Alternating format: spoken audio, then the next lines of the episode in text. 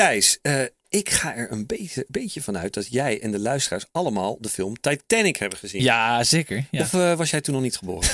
nou, lekker dan Daniel. Ik word, uh, met iedere uitzending word ik steeds jonger. Nee, Daniel, die film heb ik inderdaad gezien.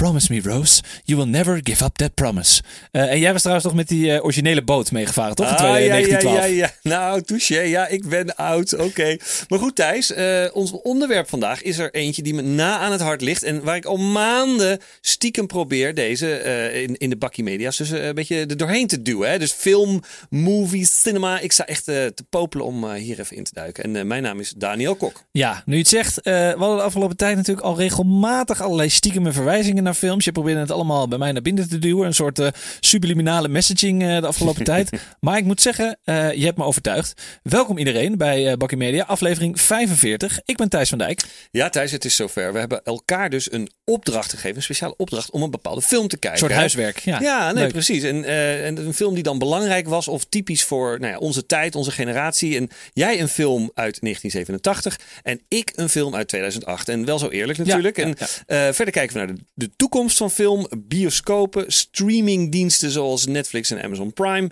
En we hebben ook ja, echt twee hele bijzondere experts. Eigenlijk experts van de bovenste plank, uh, durf ik zelfs te zeggen. Uh, bereid gevonden om een, uh, een gastquote aan ons in te sturen. Toch, Thijs? Ja, dit, ik moet zeggen, twee topnamen uit de Nederlandse filmindustrie. aan de ene kant hebben we Marlene Wikkel, managing director van Jean Mineur Media Vision. En een belangrijke vrouw in film- en bioscoopwereld en in de media, waarin ze vele prijzen heeft gewonnen. En daarnaast niemand minder dan Mr. Film, filmkenner, puurzang, ondernemer, ga zo maar door, René Mioch. Ja, en sinds dit jaar presenteert René ook Binge Talks op uh, YouTube.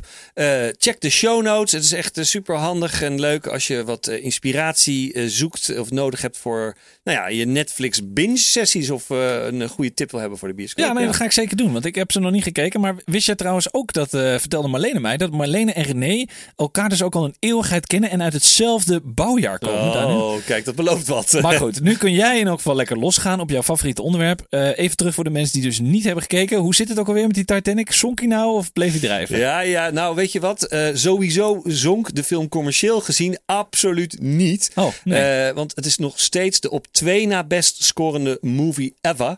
Uh, eh, 2,2 miljard dollar omzet. Nou, dat zullen nu veel films niet halen in deze tijd, denk ik. nee, precies. Maar los daarvan, um, kan jij nog de iconische scène herinneren dat Jack, gespeeld door Leonardo DiCaprio, een romantisch naaktportret schetst van Rose, gespeeld door Kate Winslet? Ja, dat was toch wel een soort van pre-mobile uh, sexting, hè? Toch, ja. Ja. Nou ja, zoiets inderdaad. Uh, super romantisch dat wel. Maar ik, uh, ik las dus dat de tekening in die scène niet is gemaakt door Leonardo, hè, die dus als, in, als character dat aan het doen is, als Jack. Maar die, die hand die je ziet, dat is regisseur James Cameron. Ah. Weet je wel? En hij is ook nog eens een keertje, James Cameron, de regisseur van de nummer twee film op de lijst van de grootste box office hits ooit, Avatar. Oh, Avatar. Zou die die dan ook zelf hebben getekend trouwens? nee, nou, ziet het er wel uit. Daar worden op dit moment trouwens maar liefst drie nieuwe films gewoon gemaakt. Bij elkaar 1 miljard productiebudget. Nou, dat ligt wel even stil. Maar zal die dan ook weer uh, eh, 3D worden met blauw als hoofdkleur, uh, denk je? ja, alles wat hij aanraakt, dat wordt uh, goud. Ja, of blauw natuurlijk. Hè, ja. En dus die gouden tekenhand die je door het beeld ziet gaan. ja, dat, daar is dus ook iets heel speciaals uitgekomen. Want de tekening van Rose, hè, die daar dus naakt met een, volgens mij een grote diamant onder nek op, op, een, op een bed ligt. Die is uiteindelijk geveild voor 16.000 dollar. Zo. Dus deze mega succesvolle man, deze Cameron, uh, goed voor 700 miljoen uh, dollar op zijn bankrekening. Hè, ik heb even opgezocht. Die verdient ook nog een soort van side hustle. nog wat doekoes erbij met wat van zijn andere talenten. Ja, een soort moderne Bob Ross. ja, wat rijker. Maar goed, hier, hier stopt het niet, Daniel. Want ik zag dus dat er tijdens de corona-lockdown ook een soort bordspel is uitgegeven van de Titanic. Ja, we moesten toch wat als ja. we thuis zaten dan maar de Titanic bordspel spelen. Maar check deze hysterische voice-over tekst. Ik ga het even proberen. The Titanic has just hit an iceberg, and it's up to you to save as much passengers as possible. Just like the movie, this game is packed with heroic action, quick thinking, and even chances to act out your favorite scenes. Draw me like one of your friends girls, Jack. ja, dat laatste, dat laatste is inderdaad dus een quote. Dus dat mag ook in het spel mag je een, een, een scène naspelen. En, maar goed, als je dat dan zo hoort, denk je... oh jongens, dat COVID-19, dat brengt ook uh, ja, het beste... maar ook het slechtste in mensen naar boven. Hè? Dat is echt gewoon... hoe kom je erop? Maar ja, inderdaad, bordspelen is natuurlijk wel echt... Uh, de Ravensburgers van deze wereld. Of de Mattel, wat is het? Ja. Uh, de, de, de bordspelen, die doen het goed. En, en, en jouw acteertalent, Ja, kan ik dan ook weer even eten leren. Geweldig. Maar nou, ja, weet je wat? Wij kletsen een beetje een eind in het weg. weet je, Titanic, allemaal prima. Maar het is ook even goed om even een, een professional aan het woord te laten. Hè? En benieuwd naar wat René Mioch te zeggen heeft. Weet je, ik maak uh, 35 jaar televisieprogramma's over film. En ik heb eigenlijk de verschillende media zien komen en gaan. Dus film, het begon allemaal op de kermis ooit. Toen kwam de bioscoop enorme impact.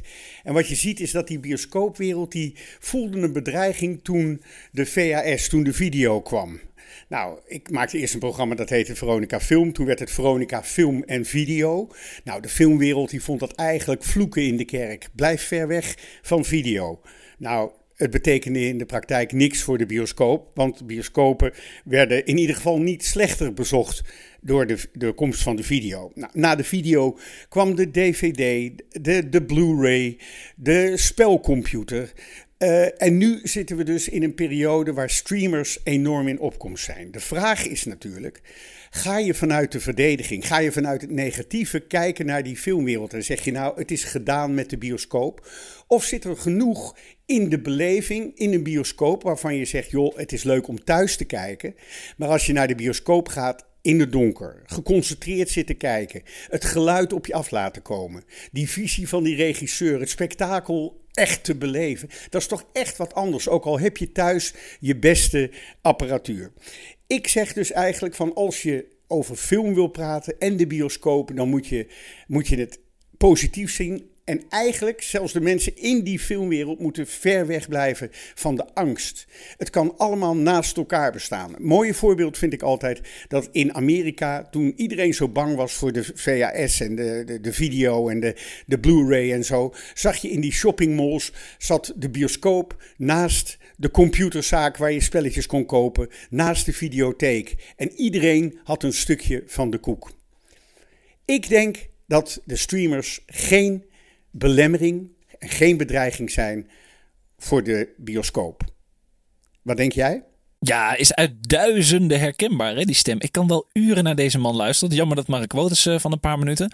Uh, het doet me ook een beetje denken aan vroeger. Toen ik met, uh, ja, met al mijn vrienden bij de Rembrandt Film Awards aanwezig was. Of naar films en sterren aan het kijken was. Het is toch een beetje een soort nostalgie dit. Ja, zeker. En een goede quote ook van René. En hij schetst voor ons hoe zeg maar, de technologie voortdurend verandert, maar dat films altijd gewoon uh, blijven bestaan en dezelfde kracht houden. En ja, en nu heb je dus de, de streamingdiensten zoals Netflix, Disney Plus en Amazon Prime. En uh, René's stelling is, is dat de bioscoop altijd een meerwaarde gaat hebben. En uh, dat VHS en DVD en Blu-ray uiteindelijk ook gewoon gekomen en gegaan zijn. En dat bioscoop altijd is gebleven. Dat is wat hij wat zegt. Ja, ja, het is gewoon een soort reis door de tijd. Hè? En ik denk ook wel dat hij dat hij gelijk heeft. Kijk, ik ben ook echt een een bioscoopliefhebber. Um, ik had, vroeger had ik ook een uh, patépas een aantal jaar geleden. Ik ging maandelijks uh, wel naar een film. Want het voelt ook zo, zo anders. Hè? Zo, zoveel meer als een echt cadeautje voor jezelf of een uitje. Nou, net als de Nationale Bioscoopbond uh, zegt. Maar ik kan er echt ook van genieten zelf. Met mijn bakje popcorn en dan mijn goals met mijn plopdop. Weet je wel, dat was ook plop dat dan uh, de film begint. Ja, nee, dat, dat absoluut. Ik heb ook inderdaad een, uh, maatje, uh, Frans Pannenkoek, bij deze getagd. met wie ik ook af en toe naar de film gaat. En dat is toch altijd een, een speciale beleving. Maar er is nog iets, hè? want bij Netflix of, of Amazon of andere streamers ben je altijd ja, een, een beetje 80% aan het kijken. Of 70%. Althans, dat heb ik dan. Ik zit eigenlijk ook op mijn laptop en een beetje op mijn mobiel met jou te Een soort second screen is het. Ja, of jij komt ineens door met van, oh, Atletico heeft 1-0 gemaakt. Terwijl ik ergens in een, Ik zit dan lekker voetbal te kijken. Ja, dan zit jij in je, in je, in je last chance Ja, ja, precies. Nou ja, en um, ja, soms loop ik even weg. Of de film gaat even stil. Of weet ik, we zetten even een bakje thee. En ja, wat bioscoop toevoegt is het feit dat je dus echt twee uur lang compleet ondergedompeld bent. Je telefoon staat als het goed is uit en je bent afgesloten, compleet geconcentreerd. Um, ja, en ja, los van het gevoel dat, dat je een uitje hebt, is het ook, uh, ja, je wordt, je wordt op een bijna ouderwetse manier gedwongen alleen bezig te zijn met die film. Ja, het is een soort uh, meditatie, hè? Het is bijna een soort mindfulness, een soort peace. Je gaat, ik vind het ook heerlijk, hè? En daarna ga je dan alles met een biertje nabespreken met je vrienden. Van wat heb jij gezien, wat heb ik gezien? Nou, en met de Titanic uh, had je dan denk ik een soort rouwdienst na afloop, of niet? ja. Nou, toen sloegen we de borrel over en gingen we heel verdrietig naar huis uh, vanwege Jack. Ja, arme Jack, die mocht niet bij Rose op die megadeur waar ze op lag. ja, precies. Maar goed, weer een spoiler. Ik ben echt alleen maar spoilers, spoilers aan doen. deze, Maar goed, um, de, de vraag van René was, um, denken we dat de streamers marktaandeel van bioscopen gaan afpakken? En uh, als je kijkt naar kwantiteit en kwaliteit hebben partijen als Netflix en Prime um, de, de traditionele studio's al ingehaald. Hè? En als je bijvoorbeeld kijkt naar het aantal geproduceerde films, hè, de volume, maar ook uh, het aantal nominaties. Hè? En dit jaar had Net, Netflix bijvoorbeeld veruit de meeste Emmy en Oscar nominaties. Hè, met onder andere The Irishman. Volgens mij hebben ze niet. Het meest... Ik heb hem nog steeds niet afgezien. nee, nee. nee ik, het was ook niet mijn film. Maar goed, ben, uh, ja, ik ben benieuwd wat andere mensen daarvan vinden. Maar ja, en bij de Emmys waren er dit jaar zelfs uh, door Netflix een record aantal nominaties. Hè, heel bijzonder. En, maar het is ook weer niet of-of. Want Disney is uh, natuurlijk ook, ook een traditionele studio. En hebben een streamingdienst met Disney Plus. En zijn ook nog eens een keertje een mega pretpark-exploitant. Dus, ja, en weet je, normaal gesproken denk ik trouwens dat de bioscopen zich geen, geen zorgen zouden hoeven maken. Maar er was één uh, complicerende factor dit jaar. En dat was toch wel een beetje de corona-lockdown uh, overal. Uh, ik hoorde van Marlene toen ik haar sprak dat het bioscoop over het algemeen in Nederland op dit moment dus nog maar 45 tot 50 procent bezetting kunnen hebben. Vanwege die anderhalve meter maatregelen. Ja. Dus ja, ze zijn wel weer open. Maar ja, ze houden dus die, die problemen met de bezetting. En, en op dit moment pas openen weer mondjesmaat de bioscoop in Amerika en de andere landen om ons heen. En de grootste keten ter wereld, AMC, opent eind augustus de deuren van duizenden theaters. En Afgelopen week hadden ze nog het aanbod om voor 15 dollar cent een kaartje te kopen. Het is toch een beetje bizarre tijden, vind je niet? Ja, en even voor alle duidelijkheid. Dat was niet een, een speciaal coronatarief of zo. Dat was echt een, nee, ja, het was echt een stunt.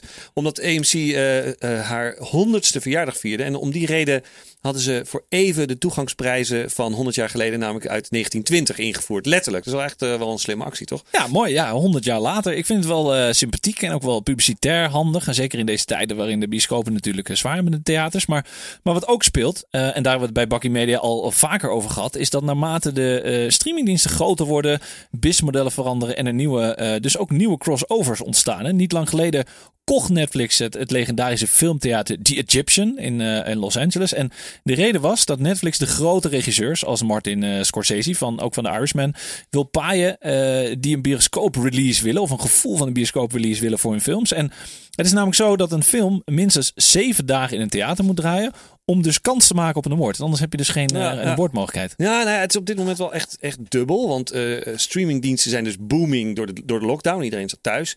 En fysieke theaters hebben het om diezelfde reden zwaar. Maar ja, onder druk wordt alles vloeibaar. En uh, theaters komen ook met hun eigen streamingdienst. Ook AMC heeft zijn eigen streamingdiensten. Maar ja, waar ze alle twee natuurlijk last van ha hadden... is dat er geen content doorkwam. Hè? Nee, de filmsets... Kon niks opnemen. Ja, weet je, de, ja, de filmsets waren de afgelopen maanden gesloten. En um, ja, weet je, en wat nog, ook nog speelt... is dat de afgelopen jaren was er vooral altijd die discussie tussen studio's en theaterketens over hoe lang een release ex exclusief bij een keten mocht draaien, weet je wel? En vaak zeiden ze dan toch van, nou ja, minimaal 90 dagen bijvoorbeeld. En voor die tijd mocht er verder niks mee gebeuren. Ja, dat is best wel lang, hè? En, en, en studio's willen hun product natuurlijk zo snel mogelijk nu naar de huishoudens brengen. En theaters willen juist zo lang mogelijk commercieel profiteren van de filmcontent en het feit dat mensen naar de bioscoop kwamen. Ja, absoluut. En, maar ja, goed, Thijs, uh, eigenlijk het aller uh, meest uh, nou ja, indringende voorbeeld, of het meest bijzondere voorbeeld uh, van hoe de nieuwe verhoudingen in de filmwereld zijn of worden. Um, dat zie je dus bij de aankomende release van de nieuwe Disney-knaller Mulan. Ja, zeker. En, die kostte dus 200 miljoen euro of dollar. Deze live-action remake van de bekende tekenfilm Mulan van Disney. En de release is in Amerikaanse theaters, ja, vanzelfsprekend werd die uitgesteld en uitgesteld. En nu is dus bekend geworden dat de film online wordt gereleased op het Disney Plus platform als premium film, film voor circa 30 dollar. Ja, gaan mensen dat betalen 30 dollar? Denk nou ja, dat is ook het eerste wat ik dacht. Hè. Van wow, wat een hoop geld man, 30 dollar of 29,95 dollar, weet ik veel. Maar aan de andere kant, als je dat dan weer met z'n vier of z'n vijf of met een hele groep, uh, met een, met een, uh, een verjaardagsfeestje of zo gaat kijken, valt het dan ook wel weer mee. En, maar goed, ik denk wel dat de, de theaters dit, dit minder leuk vinden. Nou ja, weet je, nou, ik ben het wel met je eens, maar er is ergens is ook wel die, die move naar online is ook wat te begrijpen. Disney heeft dus niet alleen streamingdiensten, wat jij ook zei. Ze hebben dus die studio, natuurlijk de pretparken wereldwijd en in Europa. En in de hele lockdown hebben ze ruim 3 miljard verloren. En ja, hoe lang en of de theaters open gaan en, en of ze ook blijven, is nog maar de vraag. Dus ze moeten ook ergens anders op gaan verdienen. en om, om ongeveer evenveel binnen te halen als een bioscooprelease van rond de 1 miljard. Ja, moeten ze dus 29 miljoen digitale kaartjes verkopen. Nou, en op dit moment hebben ze circa 50 miljoen abonnees. Het klinkt wel als een uh, pittig doel. Ja, en ook nog aanvullend. Ze hebben natuurlijk ook ESPN en er was ook uh, een sportzender in Amerika. En er was ook helemaal geen sport, dus daar verdienen ze natuurlijk ook. Er staat wel NBA in Disney World, dus daar profiteer ze ook van. ja, precies. Maar nou ja, goed. Uh, maar vergeet niet dat, dat ze bij een release op hun eigen kanaal bijna al het geld kunnen houden natuurlijk. En, nee, dat is waar. Ja. En, in de bioscopen is het, wat ik begreep, maar 55 procent. En, um, nou ja, en daarbij is het best mogelijk dat deze specifieke release Disney plus miljoenen extra aanmeldingen gaat opleveren. En dat is natuurlijk goud waard. En weet je, dat is toch die uh, 7 dollar per maand uh, maal x uh, 100.000 of x miljoen extra abonnees. En ja, en er is nog iets. In, in landen waar geen Disney Plus is, hè, waar dat, waar dat streamingkanaal niet aanwezig is, komt de film dus wel in de bioscoop. Ja, nou ja, het belangrijkste daarbij is natuurlijk wel het land van herkomst van, van onze Mulan. China. of ja, China! Zoals Trump het zegt, of hoe hij dat ook uitspreekt. Maar, maar goed, wij zitten hier dus langs de zijlijn wel weer lekker te filosoferen. En wij hebben natuurlijk wel ook weer een top-expert onder de knop.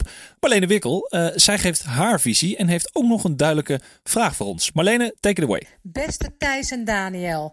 2019 was met ruim 38 miljoen bioscoopbezoekers een superjaar voor de bioscoop- en filmbranche. Een stijging van 6,5% ten opzichte van het jaar daarvoor. Wij bij Jean Mineur Media Vision beleefden ons beste jaar ooit sinds onze start in 2001.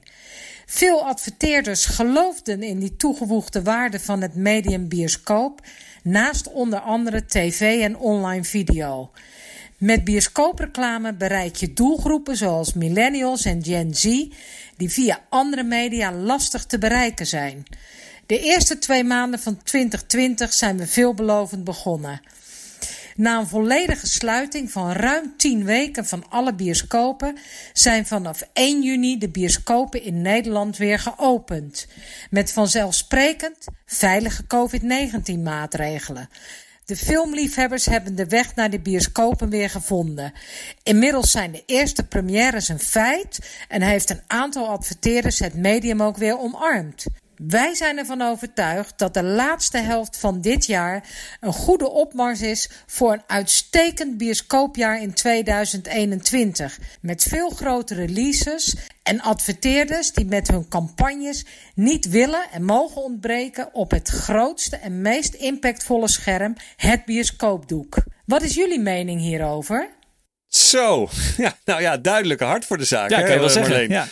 Passie echt eh, voor, de, voor het bioscoop als medium. En nou ja, ik denk dat zij echt wel een uitstekend ambassadeur is. Absoluut, Uh, zij is absoluut, echt, ja. echt fan. En René trouwens ook, absoluut.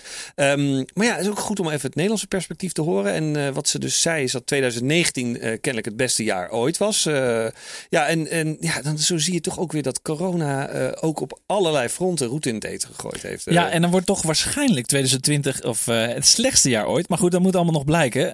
Marlene vraagt aan ons wat wij vinden van dat bioscoop als medium booming is. En dat het volgens haar inschatting ook weer gaat pieken richting het einde van het jaar 2020. En het verlies van corona deels goed kan gaan maken. Wat denk jij ervan, Daniel? Nou, dubbel een beetje. Want ja, we krijgen inderdaad echt geweldige films die uitkomen. Hè? Je hebt natuurlijk de nieuwe Bond hè, met No Time to Die in november. Zeker, en ja. Je krijgt de remake van Dune. Ik weet niet of jij daar, dat, dat kent. Dus met die sandworms, toch? Ja. Samen met de, met de Atreides en de Harkonnen. Ja, dat is mooi. Er was ook nog een spel van ook trouwens. Precies, origineel was ook uh, uit de jaren 80. En ook nog de West Side Story van Steven Spielberg. Oh, kijk eens aan. Ja, in december. En, en dus natuurlijk Tenet. Met dus uh, ook uh, acteur uh, Robert Pattinson uit Twilight. Daar gaan we het straks nog over Ja, hebben. en die wordt ook nog de nieuwe Batman. Hè? Maar ah ja, dus weet je, dat Tenant blijkt dus een soort mindfuck spionageverhaal te zijn met verschillende lagen. wellicht dat Marlene nog kaartjes kan regelen oh, voor de première. Dat is ons kunnen we er samen naartoe. Ja, anderhalve meter ertussen. Anderhalve meter, Ja. netjes, ja.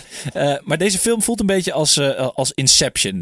Je weet wel, ook van regisseur Christopher Nolan, van onder andere Batman Begins, maar Ja. ook van Interstellar, Dunkirk, is Leonardo dreaming or is he awake? Dat is een beetje de vraag van deze ja, film. Nou, aan deze titels uh, gaat het dus denk ik uh, zeker niet liggen. Bond wordt natuurlijk zoals altijd uh, een hit en geweldig. Vriend van de show Ivar, die zit al maanden te wachten. Ivar Kamps, die zegt een enorme James Bond fan. Ik dacht dat je ging zeggen dat James Bond een vriend van de show was. ja, zou nou, ook leuk zijn. leuk, leuk. Daniel Craig. Daniel Craig is listening. Daniel Craig, you get a tag. Um, ja. Maar goed, ja, deze films die gaan natuurlijk mensen enthousiasmeren. En weet je, en anderzijds moeten theaters vanwege de coronaregels toch ook hun capaciteit aanpassen. Je had het over 45 procent. Misschien gaat dat nog iets omhoog. En dat gaat natuurlijk ook wel omzet schelen, lijkt me. En nou ja, ik zie daar toch al een paar beertjes nog op de, op de weg. En Marleen is daar heel positief over. Dus, uh, ja, ze zei als ja. we dus naar 1,20 meter kunnen, dan kan de capaciteit weer omhoog. Dus wat, wat 30 centimeter voor uh, verschil kan maken. Hè? Anderhalve ja. meter naar 1,20 meter. Maar goed, uh, de kans, wat zij, zij gaf het ook aan, hè? de kans is best groot dat de jongeren, zoals Marlene ze dus noemt, hè, met de millennials en Generation Z,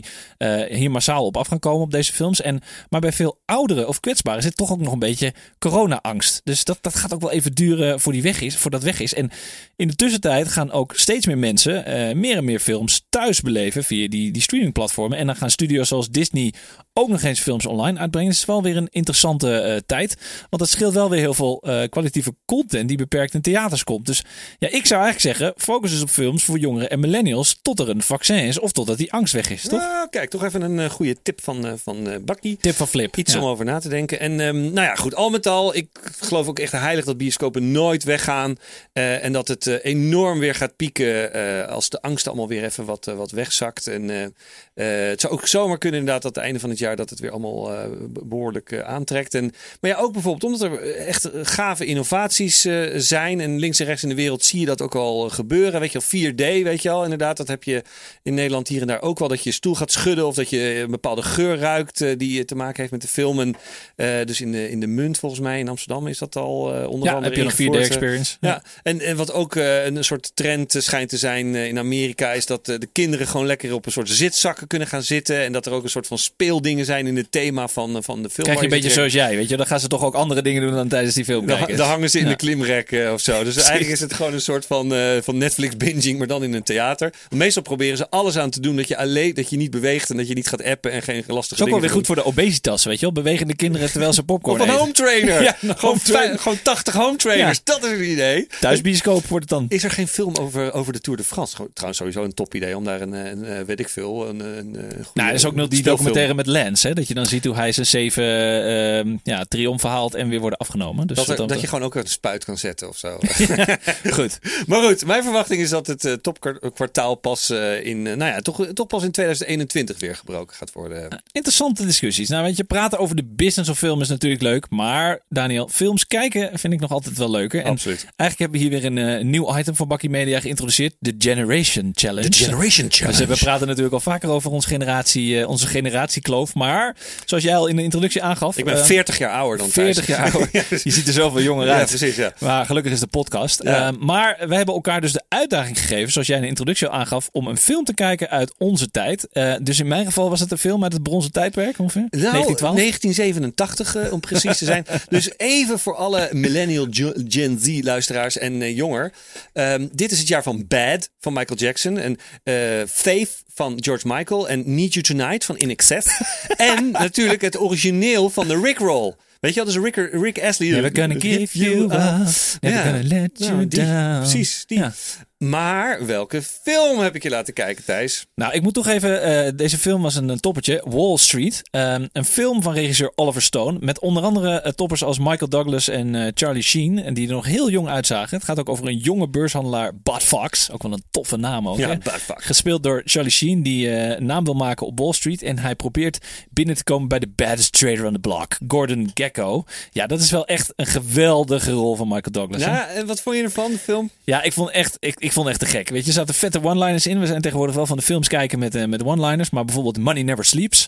Um, en uh, wel een beetje gedateerd hè, vanwege kleding uh, of een afwezigheid van moderne technologie. Weet je, nog het intypen van de groene letters op Wall Street. Ja. Maar die acteurs die zijn wel geweldig in vorm. En dat, dat maakt wel veel goed. met name Michael Douglas, die speelt natuurlijk wel een enorme lul. ik vond het echt geweldig. En je gaat die man ook echt haten. Dat je denkt, jezus, hoe kun je zo spelen? Maar het is ook wel een film die, die 100% past, denk ik, in die tijd. in de jaren 80. Ronald Reagan aan de macht. Het kapitalisme dat regeerde in de VS. Volledige focus op de marktwerking en zoveel mogelijk geld verdienen. En ja, een beetje vergelijkbaar met, uh, met de eerste jaren van onze premier Rutte. Hè? Belastingverlagingen voor bedrijven. Focus op veel, veel geld verdienen hoe kan je zelf beter worden? Een beetje een ondernemersklimaat. En ik denk dat Trump uh, die tijd ook wel fantastisch vond. Ja, greed is good uh, is eigenlijk de centrale boodschap. Ja.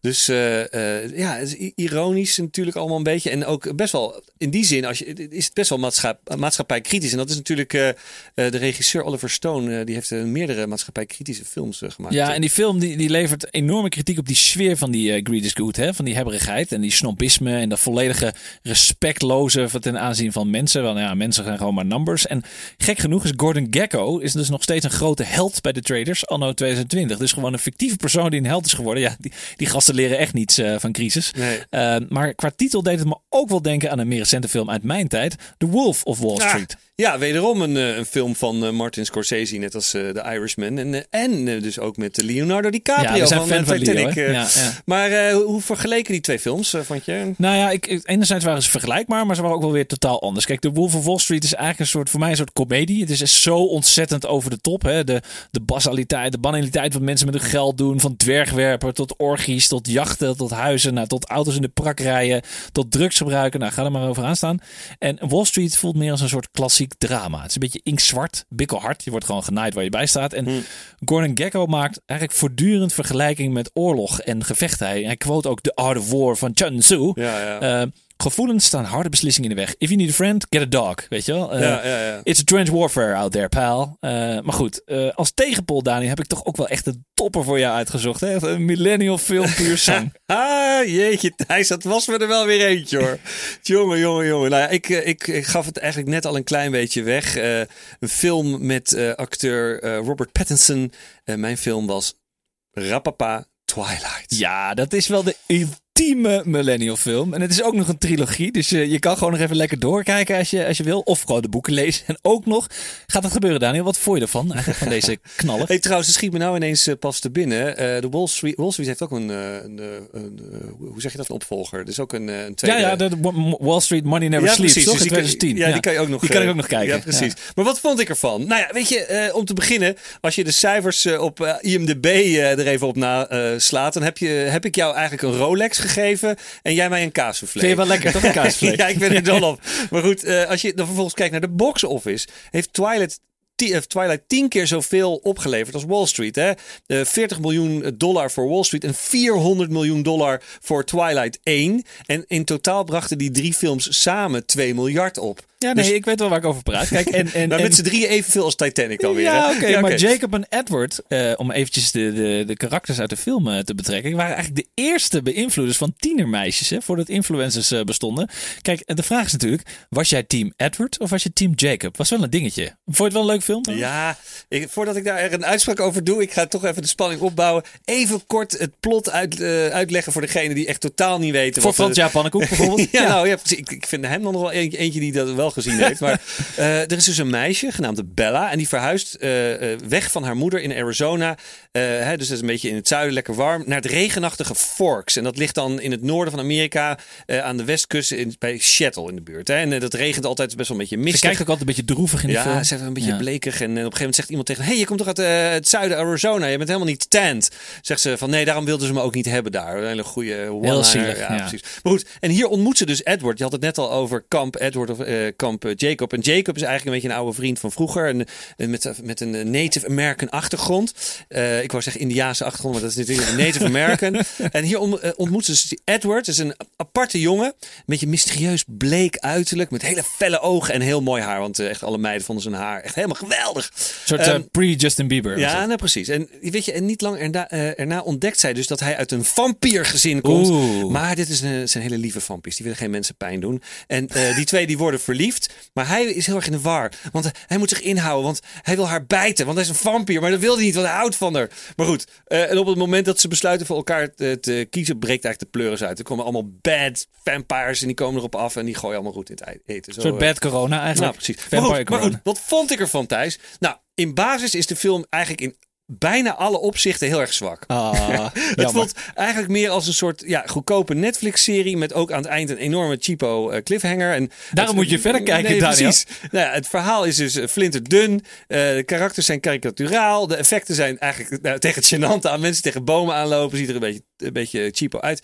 En de dialogen, nou ja, die zijn soms goed en soms wat minder. Hmm, dat is niet zo best, Daniel. Klinkt niet goed. Maar, Thijs, een grote maar. Dus natuurlijk niet voor niks dat die film eh 400 miljoen dollar opgeleverd heeft. De film heeft iets.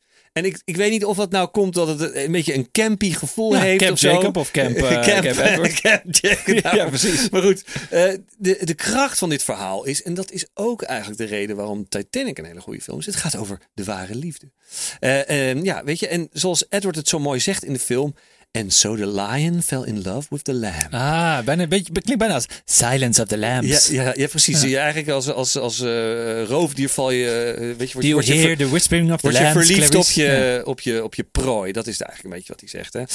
Eh, maar goed, en ik heb ook een zwak voor high school films. Hè? Dus dat is ook zeker een plus. eh, Ja, en weet je Daniel, ware liefde overwint alles. Hè? Of je nou een vampier bent of een weerwolf, dat maakt niet uit.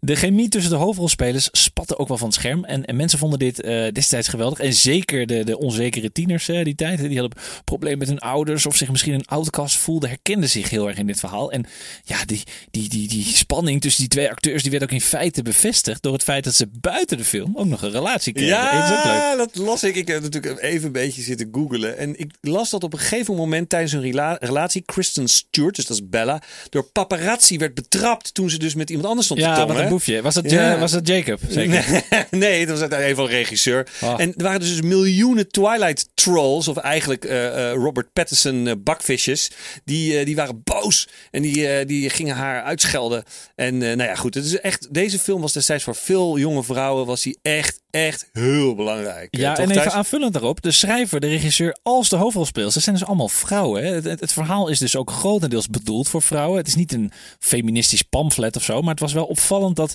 vrouwen die destijds fan waren van deze serie films... door veel mannen online ook werden getrolld. Dus dan gingen de mannen weer trollen. En die Ja. werden weggehoond of gekleineerd. eh, Een beetje een soort shaming. En alleen daarom al vond ik het een hele interessante. De, de empowerment of women, maar dan eh, anders. Het is bijna Ehm, een soort jaloezie van die mannen dat ze, dat ze die Robert Pattinson zo leuk vonden. ja, precies. Of Ja. Jacob met zijn gespierde torso. Ehm, maar tegelijkertijd is er ook een schitterende eh, meme op internet met de tekst... Twilight is the reason millennials can't have normal relationships now. Dus dat is ook wel weer interessant, hè? Maar eh, hoe, hoe dan? Waarom niet? Nou ja, om te beginnen het daten van een jongen die je wil vermoorden. Die Ah, ja, zegt, ik wil je bijten, maar toch niet. Hè? Dus, Ja, eh, dat is al niet goed. ja, of, of je vriend eh, isoleert je van je familie is ook niet helemaal lekker. Eh, red flag. niet doen. Ja, precies. Je vriend stalkt je, eh, bekijkt je stiekem in je slaapkamer. Ja, dat een creepy. En dan slo- sloop je gewoon naar binnen. Ja, precies. Ja, is not cool. not cool, Jacob. Of in dit geval Edward. Meiden, als je deze dingen al merkt, als je aan Tinder daten bent, run away, run away. Ja, precies. Nou ja, wat eigenlijk ook een heel slecht teken is, is dat onze Bakkie, Bakkie Movie erop zit, Ja, Thijs. dat vind ik echt jammer. Maar voor nu was dit uh, Bakkie Media. Hopelijk doen we dus snel een filmdate eh, bij Tenant. Lijkt me een topfilm om, om samen te gaan kijken. Zeker. Beetje lekker samen een mindfuck. Kunnen we daarna met een biertje lekker erover discussiëren. Ja, en niet huilen zoals bij Titanic. Deze aflevering zit er alweer op en is zoals gebruikelijk terug te luisteren op Soundcloud, Spotify en Apple Podcast. Ook zijn we te vinden op de platformen van onze mediapartners, De Ondernemer en Adformatie. En sinds kort dus ook bij onze nieuwe partner Topcast Media.